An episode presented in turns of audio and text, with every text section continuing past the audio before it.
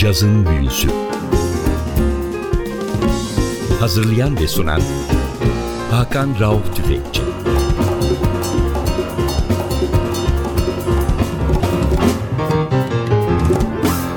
NTV Radyo hoş geldiniz. Ben Hakan Rauf Tüfekçi ve Özdal. Hepinizi selamlıyoruz. Cazın Büyüsü başlıyor. Bu haftaki konuğumuz bir trompetçi. 1983 yılının 3 Mart'ında doğmuş Amerikalı bir sanatçı Dominic Farinacci. Bir big band lideri, besteci ve çok sevilen bir trompetçi. Japonlar bayılıyor. Ülkemizde pek bilinen bir isim değil Dominic Farinacci. Cleveland, Ohio doğumlu. 11 yaşında trompet çalmaya başlıyor. İlk olarak davul deniyor çünkü amcası bu işi çok seven ve yapan bir isim ama davul çalmada çok başarılı olmuyor. Ve başvurduğu bir grubun şefi de trompet sanatçımız yok. Trompet öğren gel diyor ve sanatçı trompeti denemeye karar veriyor. İyi ki denemiş çünkü bugün Juilliard Müzik Okulu'nun caz programı bölümünde dünyadan çağrılan 18 sanatçı içinde Dominic Farinacci de var ve Juilliard'a gelen öğrencilere trompet konusunda bildiklerini öğretiyor. Sanatçının 2009'da yapmış olduğu bir albümü sizlere çalıyoruz. Lovers, Tales and Dances.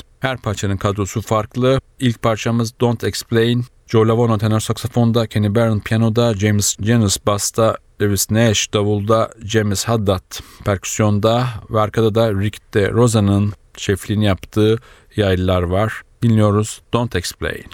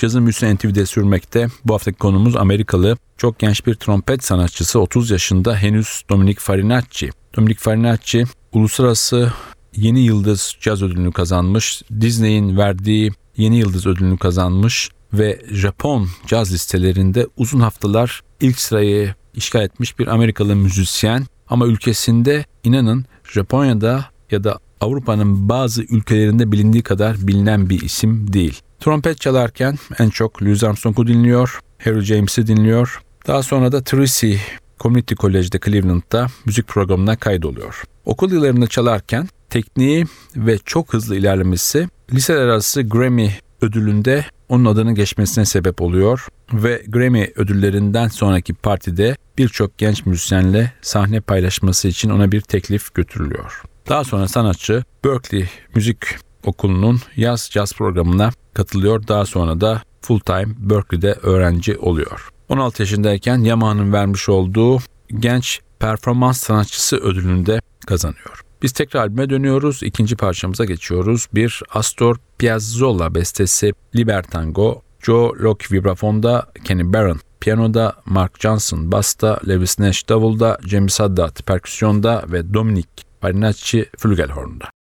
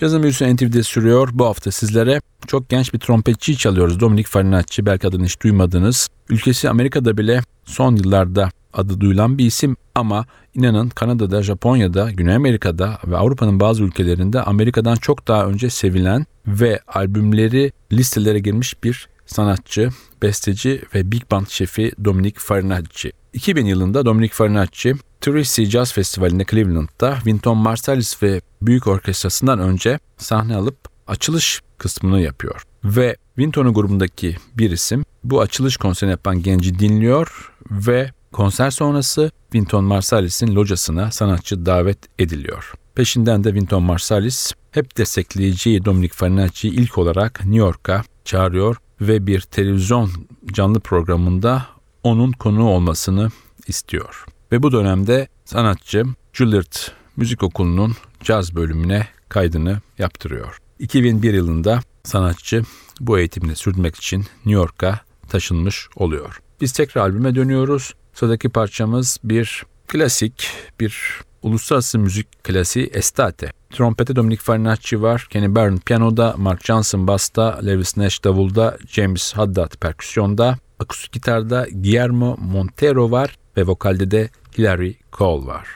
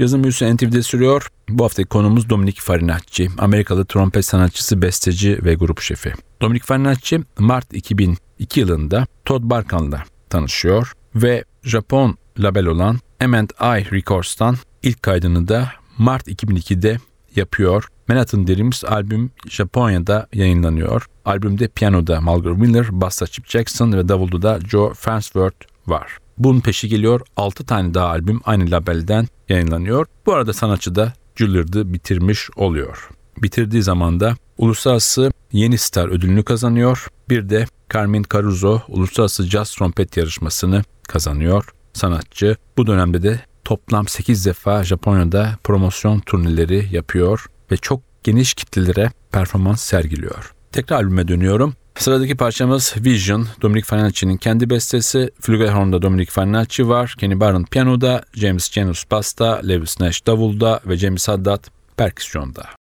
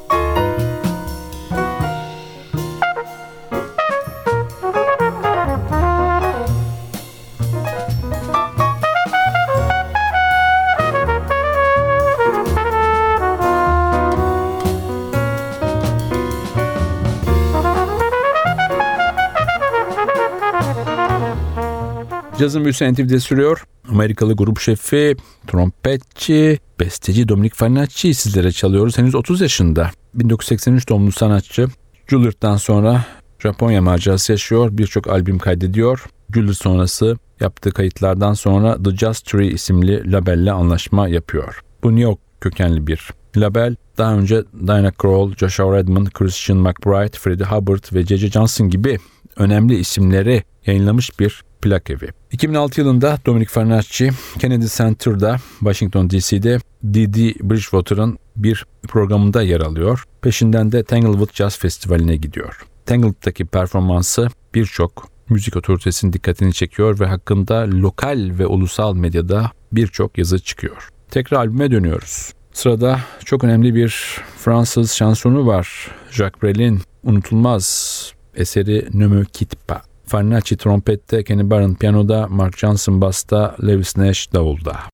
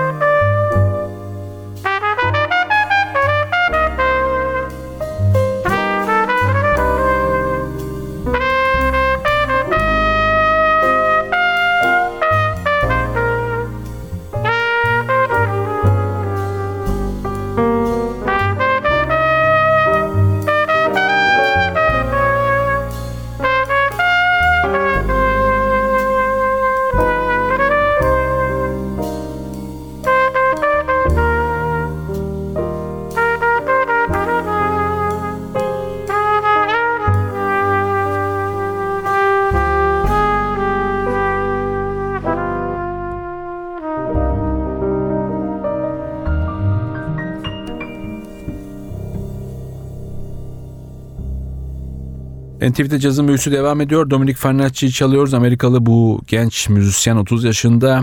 Trompet sanatçısı, besteci, grup şefi Juilliard'dan mezun uluslararası birçok yarışmaya kazanmış bir isim. Bu dinlediğimiz albüm sanatçının Amerika'da yapmış olduğu ilk kayıt 2009'da yapılmış. İkinci kaydını da Mayıs 2011'de Twilight Blue ismiyle Amerika'da yine yayınladı sanatçı. Albüme dönelim. Albümdeki çalacağım bir diğer parça Silent Cry. Farnacci'nin kendi bestesi Trompette ve flügelonda Farnacci var. Kenny Barron her zamanki gibi piyanoda, James Janis basta, Lewis Nash davulda ve perküsyonda James Haddad var.